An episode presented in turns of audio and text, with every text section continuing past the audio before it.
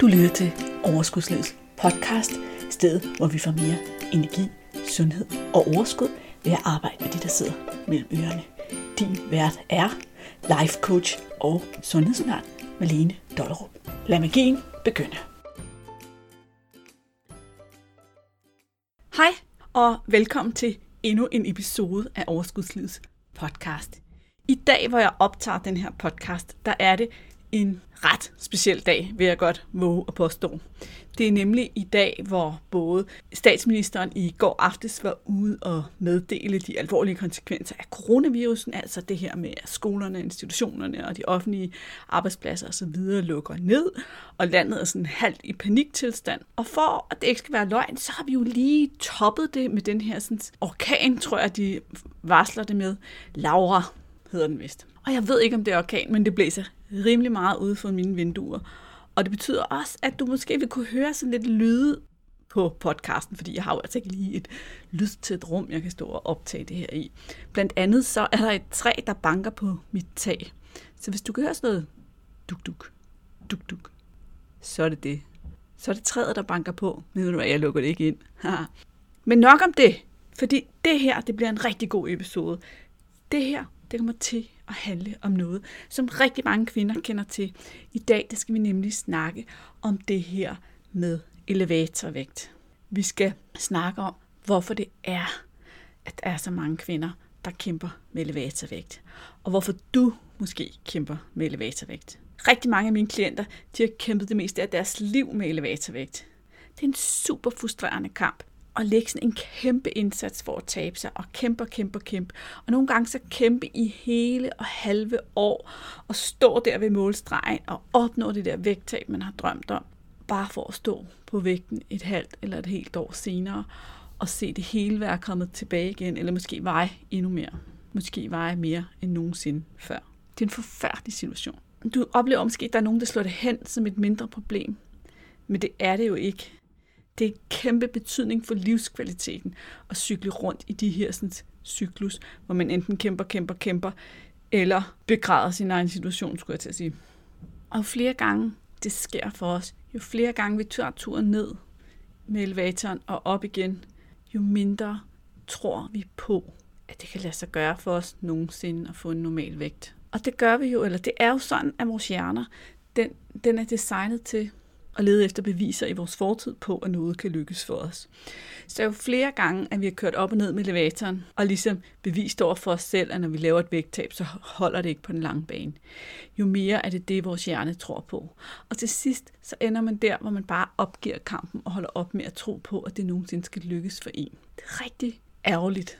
Fordi i virkeligheden, så giver det jo mening, at vi ikke kan lykkes med noget, som vi ikke er lykkes med endnu.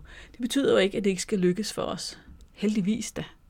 Prøv at tænke på, hvis ham, der skulle opfinde flyvemaskinen eller en af de andre gode oplev- øh, opfindelser, vi har, havde givet op efter fire forsøg, fordi at nu var det bevist, at det ikke kunne lykkes. Ikke? Men ikke desto mindre, så er det altså sådan, vores hjerne er designet. Det er sådan, vi gør, og så står vi tilbage, og nogle gange helt har mistet håbet. Jeg får også lige lyst til at sige, at når jeg kalder det elevatorvægt, så er det fordi, det er sådan et godt klassisk ord, som de fleste kender og kan forholde sig til.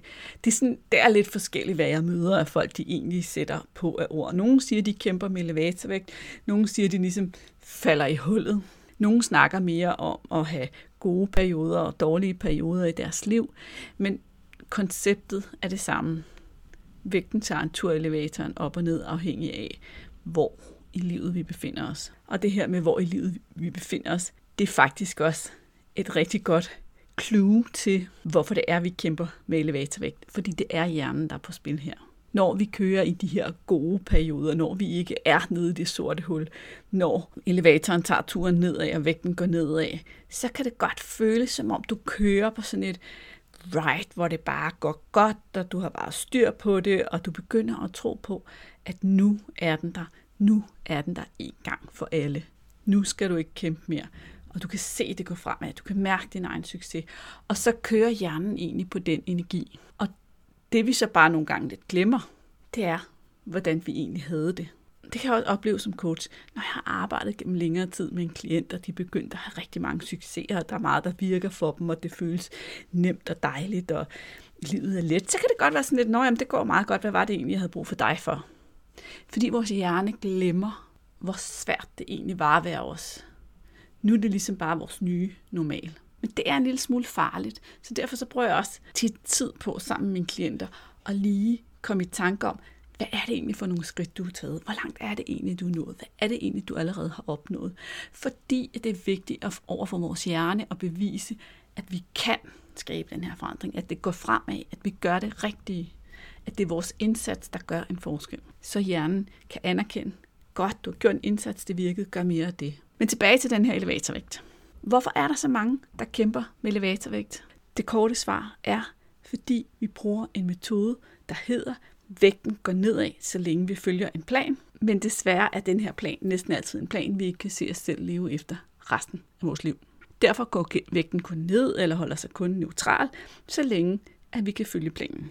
Når først vi træder ved siden af og giver slip, så åbner vores hjerne op for at stoppe med at kæmpe for at følge planen, og så slipper vi bare lige så langsomt alt det her, som var så anstrengende at følge, fordi det var alligevel ikke en plan, vi kunne følge resten af livet. En anden måde at sige det på er, at så længe er vores vej til et vægttab, og den her naturlige vægt, vi gerne vil have, er forbundet med kamp og afholdenhed, så er du på vej ned med en elevator, der helt sikkert nok skal hejse dig op igen, inden den åbner dørene. Altså så længe det er forbundet med kamp og nå dit mål, så er du ikke på vej til et mål, som du vil blive i. Men hvorfor er det egentlig så svært at følge den plan? Tit så har vi jo en eller anden plan, der giver rimelig god mening. Og, og som de fleste siger til mig i en let opgivende tone, jeg forstår det bare ikke. Jeg har det jo så godt, når jeg gør det, når jeg får spist de der grøntsager, når jeg lader være at spise de der sukker. Jeg kan jo bare mærke, at jeg har meget mere energi. Jeg kan bare mærke, at jeg har det meget bedre. Jeg forstår ikke, hvorfor jeg ikke bare kan gøre det, når nu det er så godt for mig, og jeg ved det. Og underforstået i det, i den sætning, i den udtalelse, der ligger jo også, at det burde være motivation nok til at gøre det rigtigt. Det er det bare ikke. Og grunden til, at du tager turen op med elevatoren, den ligger et helt andet sted.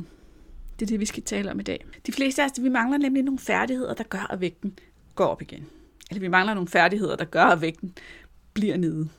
Så indtil vi har de her færdigheder, så, så er det fuldstændig ligesom at holde en badebold nede under vandet. Så længe du bruger al din energi og opmærksomhed på at holde badebolden nede, så skal den nok blive nede.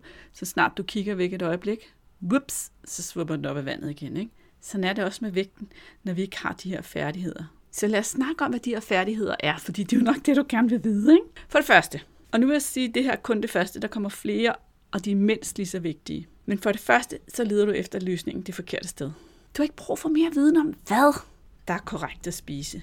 Hvordan det skal spises, i hvilke mængder det skal spises. De fleste af os kvinder, vi ved udmærket godt, hvad vi med fordel kan spise mere af, og hvad vi med fordel kunne skære ned på. Derfor hjælper en nøje tilrettelagt plan med udmunkte mængder heller ikke. Hvis det hjalp på den lange bane, kunne vi jo bare gøre det, vi allerede ved. Alligevel så bliver vi ved med at se os om efter den nyeste trend, eller kur, eller plan, som vi kan følge.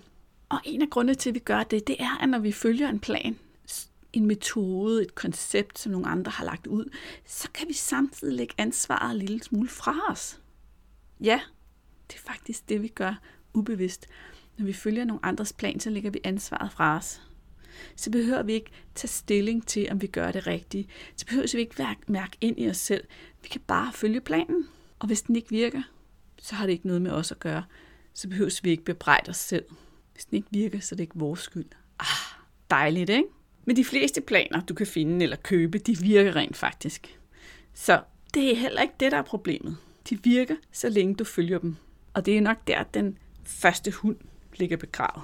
At du vælger en plan, du ikke vil følge for evigt. Den anden del af udfordringen ved den her sådan, plan, det er, at når du følger en plan, som andre har lavet, og frelægger dig ansvaret, så siger du indirekte til dig selv, at du ikke stoler på dig selv, og du ikke stoler på din krop. Nogle andre, altså dem, som har lavet planen, eller konceptet, eller livsstilen, du følger, ikke? de andre, de ved bedre. Du øver dig altså hver eneste gang, du følger den her plan, i ikke at følge dine kropssignaler, og ikke mærke efter sult og mæthed og tilpasset i forhold til maden. Og i virkeligheden så er det altså meget, meget, meget, meget nemmere og en meget mere holdbar vej til at skabe resultater. Fordi din krop, den er faktisk ganske smart og har en rimelig god fornemmelse af, hvor meget mad og næring du har brug for hver dag. Du har måske hørt mig tale om det her med at lytte til kroppen, fordi jeg har lavet episode 54, sådan lytter du til kroppen, hvor jeg har snakket mere om, hvordan du egentlig kan blive god til at lytte til kroppen. Hvis du ikke har hørt den episode, så er linket i episodenoterne. Så synes jeg, du skulle høre den. Men altså, en plan frelægger dig ansvaret fra dit projekt, fra det du gerne vil. Den får dig til at lytte til noget andet end din krop og stole på det, som du godt ved. Så fejl nummer et, det er altså planerne fra andre mennesker, udefra kommende planer i stedet for tillid til din krop. Og så ved jeg godt, at der kan sidde nogle af jer derude, som kæmper med elevatorvægt, der sidder og tænker, men Malene, jeg har overhovedet ikke nogen fornemmelse af sult og mæthed mere. Når I siger det til mig, så beviser det bare for mig, at I har øvet jer virkelig længe i at overhøre kroppens signaler. Men det kan altså genlæres. Men du er lige nødt til at hænge på og lytte med, fordi der er meget mere i det, end det her med at lytte til kroppen. Fordi den største og måske sværeste udfordring for de fleste af dem, der kæmper med elevatorvægt, det ligger i koblingen mellem mad og følelser. Hvis man tog sådan og tegnede sådan en graf eller sådan et billede af, af folk, kvinder, der har elevatorvægt, af deres liv hen ad sådan en akse, og så deres vægt på den samme akse, simpelthen kunne se, at der er rimelig god sammenhæng for de fleste af dem i, hvornår vægten er gået nedad, og hvornår livet har været godt og nemt og fungeret godt, og hvornår vægten begynder at gå opad igen, hvornår der er bump på vejen i livet, hvornår der er sket et eller andet i deres liv, som har været svært at håndtere. Det er de færreste, der går og laver den slags optegnelser, fordi vi bryder os ikke om at skrive ned, når det går dårligt, så vi lukker øjnene. Det er også derfor, det er så svært at blive ved med at skrive kostdagbog. Det er fordi, vi ikke har lyst til at skrive ned, når vi har spist det, vi ikke vil spise. Så vi har ikke lyst til at indrømme det over for os selv. Men mange af dem, jeg taler med, de knytter ofte alligevel en fortælling om en eller anden livssituation, hvor der var noget, der var lidt svært, sammen med, hvornår at de begyndte ligesom turen op i elevatoren igen, altså hvor vægten, hvor det skiftede. Og når man bruger mad, søde sager, alt mulige former for mad og snacks, til at håndtere sin følelse, så er det dømt til at gå galt hver eneste gang livet bliver udfordrende. I de gode perioder, der kan man nogle gange undertrykke følelserne med viljestyrke og optimisme. Men den her viljestyrke, den har man bare ikke ret meget til rådighed af, når livet bliver svært, når livet byder på modstand. For så bruger man den tildængte mængde viljestyrke, kan man sige, på at håndtere det, som er svært. Og det er jo sådan, og det tror jeg godt, du kan blive enig med mig i, ikke? det er sådan, at i alle menneskers liv, der er der svære perioder. Vi oplever alle sammen noget, som er svært. Det er bare uundgåeligt. Det er bare en del af at være menneske.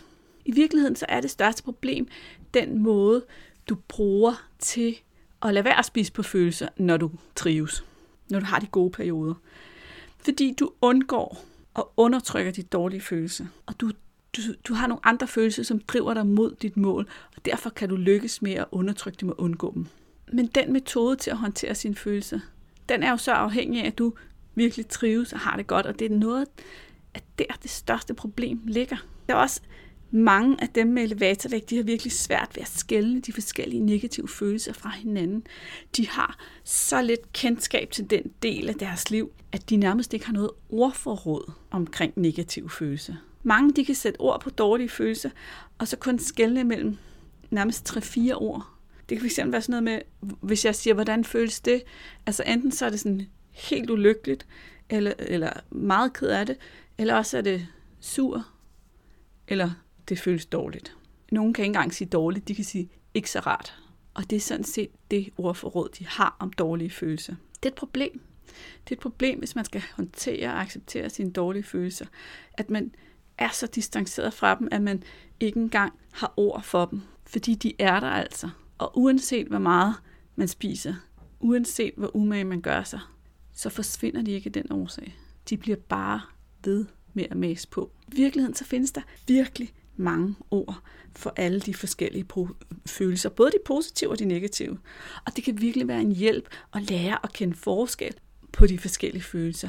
Hvordan de mærkes, og hvad for nogle ord de har. sætte ord på dem. Også fordi, at som jeg snakker om tit, så er det jo sådan, at det i virkeligheden er vores følelser, der driver vores handlinger. Og når vi begynder at kunne skelne vores følelser fra hinanden, og sætte ord på dem og, og genkende dem, så får vi også den her, det her billede af, hvad det er for nogle handlinger de forskellige følelser driver. Så lærer vi pludselig, at en helt bestemt følelse, for eksempel, det er den, der får dig til at spise is, mens det er en helt anden følelse, der måske får dig til at være sådan en, der går og snakker. Bare den kendskab giver dig mange flere handlemuligheder. Men mange af os, vi har simpelthen så stor modstand på negative følelser. Selv de sådan helt ufarlige negative følelser. Altså alt, hvad der går fra neutralt til, jeg tuder mine øjne ud og har, har det på mig til. Altså, dem, der ligger tættest på neutralt, dem har vi også kæmpe stor modstand på. Nogle gange er det næsten dem, vi er allermest bange for. Helt sådan normale dagligdagsfølelser som restløs, eller modløs, eller træt. Sådan nogle små følelser, dem vil vi ubevidst gøre alt, hvad vi kan for at få til at forsvinde. Og når din hjerne den er programmeret til, at svaret på forsvindfølelse er at spise, så er det altså rigtig, rigtig svært at lade være. Fordi det, hjernen er programmeret til, det er det, den gerne vil gøre. Sådan er den designet. Og det er derfor, det koster så meget viljestyrke at lade være så længe at du ikke har ændret den programmering. Og du ændrer ikke den programmering med viljestyrke. Du ændrer den programmering ved at lære at være med dine følelser og acceptere dem som en del af dit liv og være i dem uden at skulle dulme dem. Og så vil jeg lige sige, at du må altså aldrig bruge det, som jeg har fortalt dig nu og lær dig nu, til at bebrejde dig selv, at du handler sådan på dine negative følelser. Fordi så får du bare endnu flere af dem, og det hjælper dig ikke noget som helst. Du kan bruge det, du lige har fået at vide her, til at prøve at åbne dig op og være mere nysgerrig på dig selv. Det er den rigtige måde at bruge den her viden på. Men indtil du har lært at håndtere dine følelser uden at dulme dem med mad og andre afledningsmanøvrer, så vil du altid sidde fast i den her elevatorvægt udfordring. Det er noget af det, som mange af mine klienter har allermest brug for hjælp til. Det her med følelserne, det her med at lære at håndtere sine følelser. Fordi de fleste af os vil simpelthen aldrig lært det. Vi har ikke lært det derhjemme, vi har ikke lært det i skolen, vi har ikke lært det på arbejdspladsen. Vi har bare ikke lært det. Men det kan læres, og alle kan lære det. Også selvom man både har sorg og bagage med sig. I tæt sammenhæng med den her manglende håndtering af følelser, så kommer også hele mindsetet, når vi snakker mad og vægttab og hvordan du bruger din hjerne. Det har stor betydning for, hvorfor at du kører op og ned i den her elevator. Som jeg har sagt mange gange før, så er det jo sådan, at vores følelser styres af vores tanker. Derfor er det også et vigtigt evne at have at kunne arbejde med sine tanker. Når vi bare kører på default, så er det jo sådan, at når det går godt, vægten går ned, planen følges, livet er nemt, så er det også nemt at skabe et positivt mindset.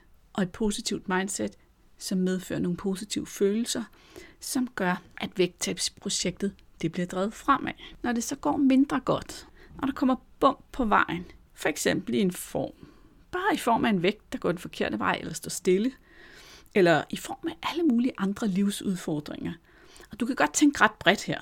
Det kan være lige fra fyring, eller nogen, der bliver syge, eller bare til de små dagligdags ting, som manglende nattesøvn, eller umulige unger, eller et eller andet, du har sat dig for, som du ikke har succes med, så er det meget sværere at holde de tanker og det mindset, der skaber de følelser, der gav dig fremdrift indtil da.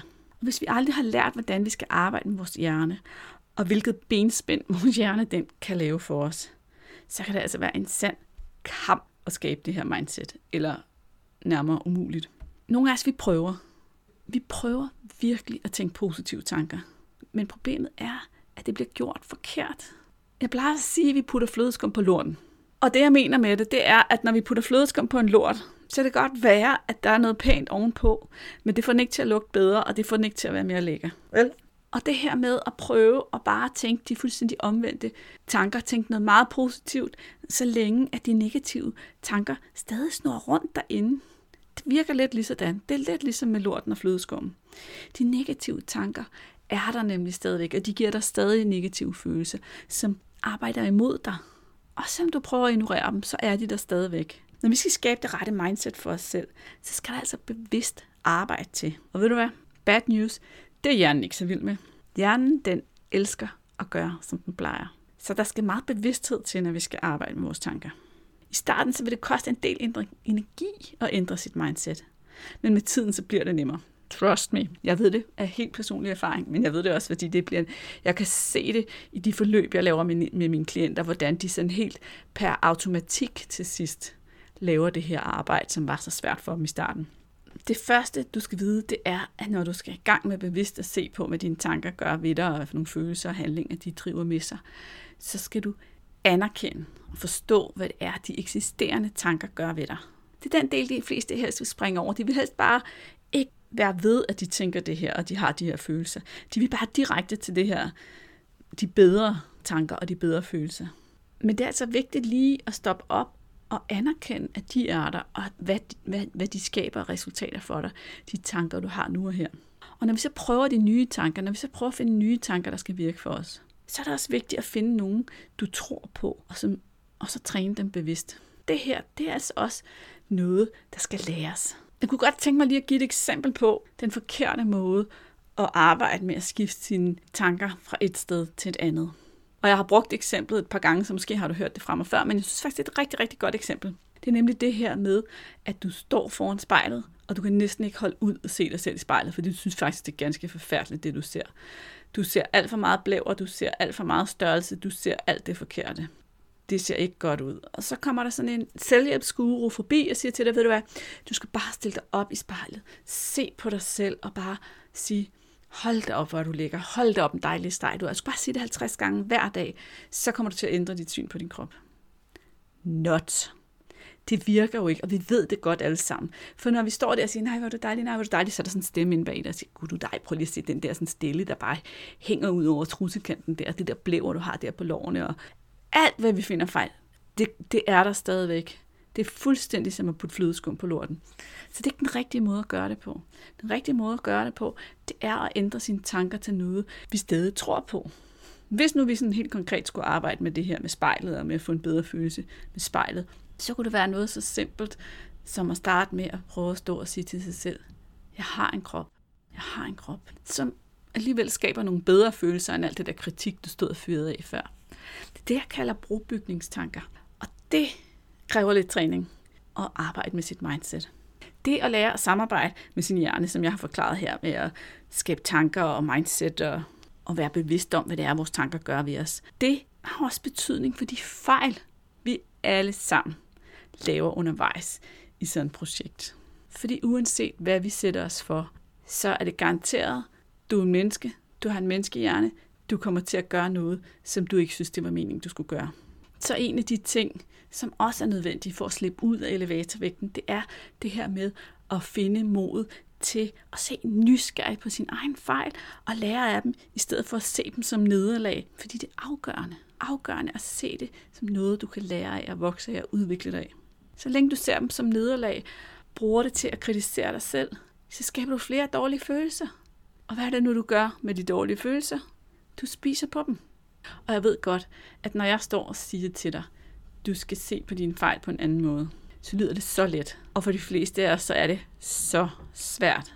Og jeg taler altså om alle mulige slags fejl her. Men når vi arbejder med vægttab, så kan det jo især være de fejl, som handler om sådan noget med at spise et eller andet uplanlagt, eller andet du anser for fy-fy. For nogen, der kan sådan en fejl være den direkte vej ind i overspisningsspiralen. Fordi vi har spist noget, vi ikke synes er i orden. Og ubevidst så bebrejder vi os selv så meget, at vi ikke engang kunne finde ud af at lade være at spise det her. At vi bliver overskyllet med dårlige følelser, som vi heller ikke ved, hvordan vi skal håndtere, andet end med mad. Og så starter den der spiral bare, fordi der kommer flere og flere dårlige følelser, og der skal mere og mere mad til at få dem væk. Og for nogen, der skal der så meget mad, så at det eneste, de kan mærke, det er den fysiske fornemmelse af utilpashed i kroppen. Fordi det er det eneste, der gør, at de ikke skal forholde sig til deres følelser. Jeg har faktisk lavet en episode i Overskudslivets podcast, der hedder Sådan slipper du ud af overspisningsspiralen. Den hedder episode 44, den skal du også nok få et link til i episodenoterne, og den handler sådan specifikt om netop den her måde, vi bringer os selv ind i den her spiral på. Men det er altså ikke nok at kunne slippe ud af spiralen. Vil du ud af elevatorvægt-spiralen, så handler det altså virkelig om at kunne vokse af sine fejl, analysere dem og lære noget af dem. Og jeg skulle hilse fra mine coaching-klienter og sige, at det er ikke lige frem den del, de elsker mest ved at være i coachingforløb. det tager som regel noget tid, før de slipper ubehaget ved at skulle komme til mig og fortælle om deres fejl og blive coachet på dem. Men sådan er det også lidt at udvikle sig. Det kræver jo noget mod at udvikle sig. Og gevinsten er det hele værd.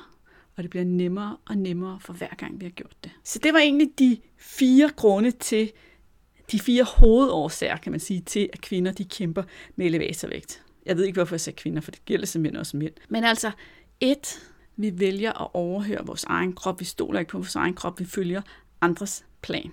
To, har aldrig lært at håndtere følelser uden at dulme dem, uden at bruge mad.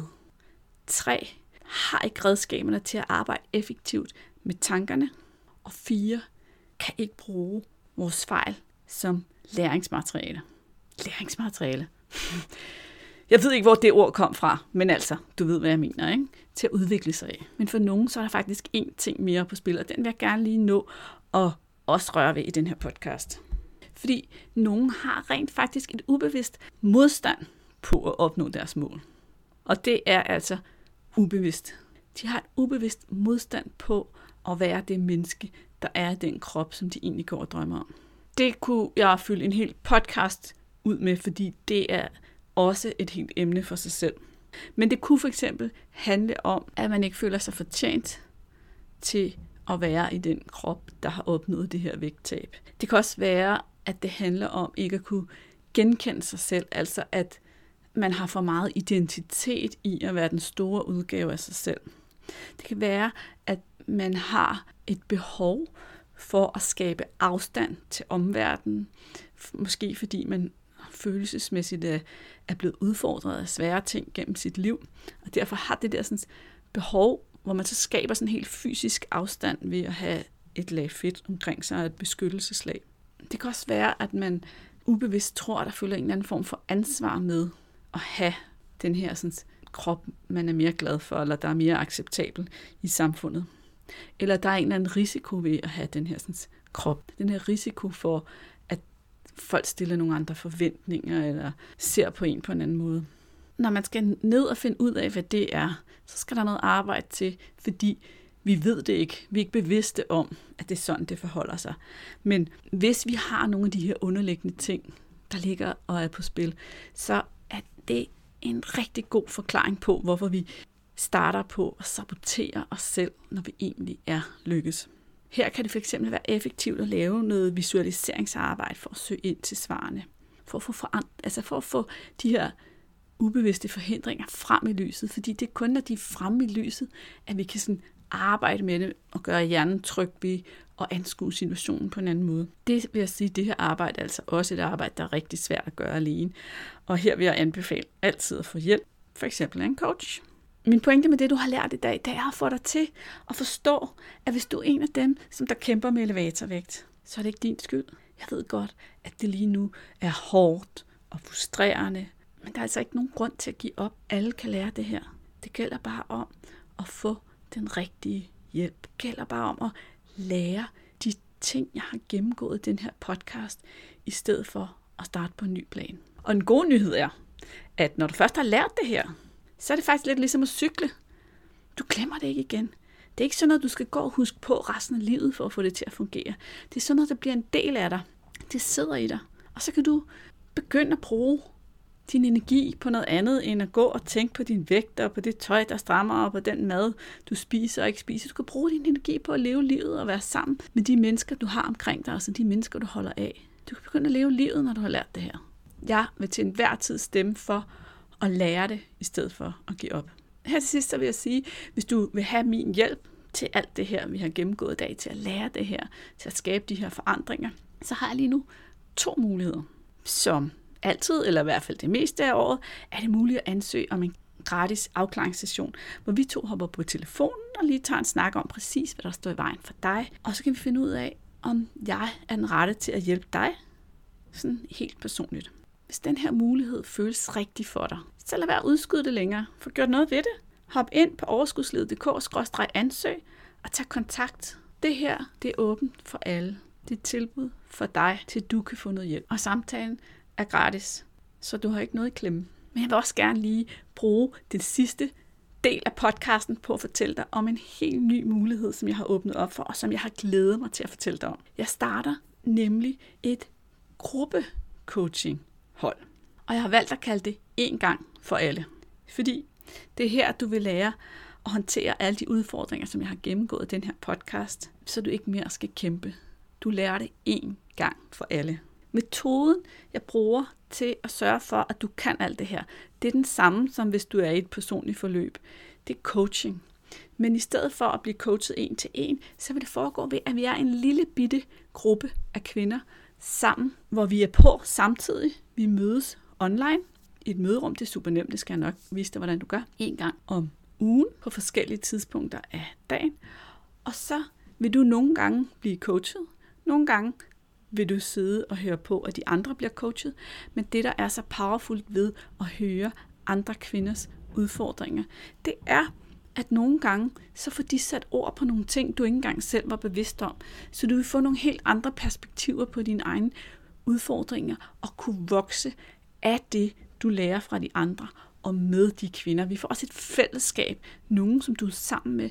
Og man ved fra forskning, at fællesskab er stærkt til at skabe resultater. At vi arbejder, at vi mennesker, vores hjerne, den er vejet mod fællesskab, så vi arbejder bedre i fællesskab. Men jeg har lavet nogle betingelser for, at man kan deltage i det her gruppeforløb. Og det er for gruppen. Det er fordi gruppen den skal være ens form. Vi skal have nogenlunde de samme udfordringer. Det er, at man skal være mindst 40 år. Så må du være lige så meget plus 40, som du har lyst til. Du skal have et vægttabsønske på mindst 10 kilo. Og som det sidste, så vil jeg sige, hvis du kæmper med din vægt, så vil jeg godt våge at påstå, at du spiser på følelser. Men jeg vil gerne have, at du er bevidst om, at det er en del af din udfordring.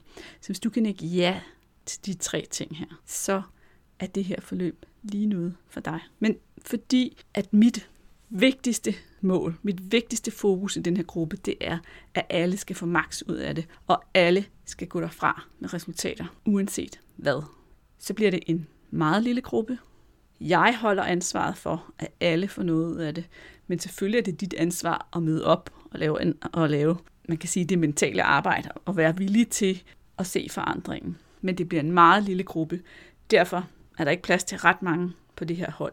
Det bliver selvfølgelig også prismæssigt lidt billigere end at gå i en en-til-en coachingforløb. Så det er også noget med at mærke efter ind i sig selv, hvad føles rigtigt for mig. Og for mange, der kan den her løsning altså være virkelig powerful. Det du kan gøre, hvis du er interesseret i at høre mere om at blive en af deltagerne i den her gruppe, det er at gå ind på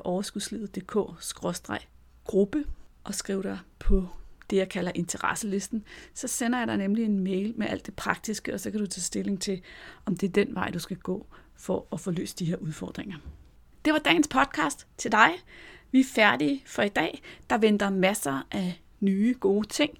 Jeg har blandt andet overvejet, om jeg skal lave nogle former for succeshistorier for nogle af mine tidligere klienter, fordi du måske sidder derude og tænker, hende der Malene, hun snakker altså om de der klienter, men hvad er det, de får ud af det?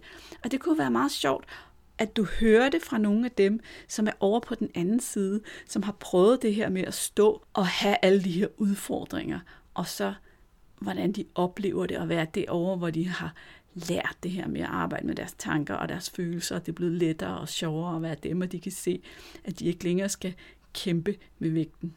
Men der må du lige have lidt tålmodighed. Det kommer, når det kommer, så bare glæd dig, indtil det kommer, ikke? Men der må du lige have lidt tålmodighed, fordi jeg skal lige finde tiden til at få produceret de episoder. Nu håber jeg bare, at du får en god dag og nyder livet. Og hvis du har brug for at komme i kontakt med mig, så husk overskudslivet.dk-ansøg for en personlig samtale. Overskudslivet.dk-gruppe for at få noget mere information om gruppeforløbet. Og ellers så høres vi ved i dit øre om en uge. Hej hej. Hey, inden du løber, glem ikke at abonnere på podcasten, så du ikke går glip af en eneste episode. Og skulle du have fingre i den gratis videotræningsserie Vægtab med din hjerne, så smut ind på overskudslivet.dk-videoserie, så lander den første video i din indbakke i dag.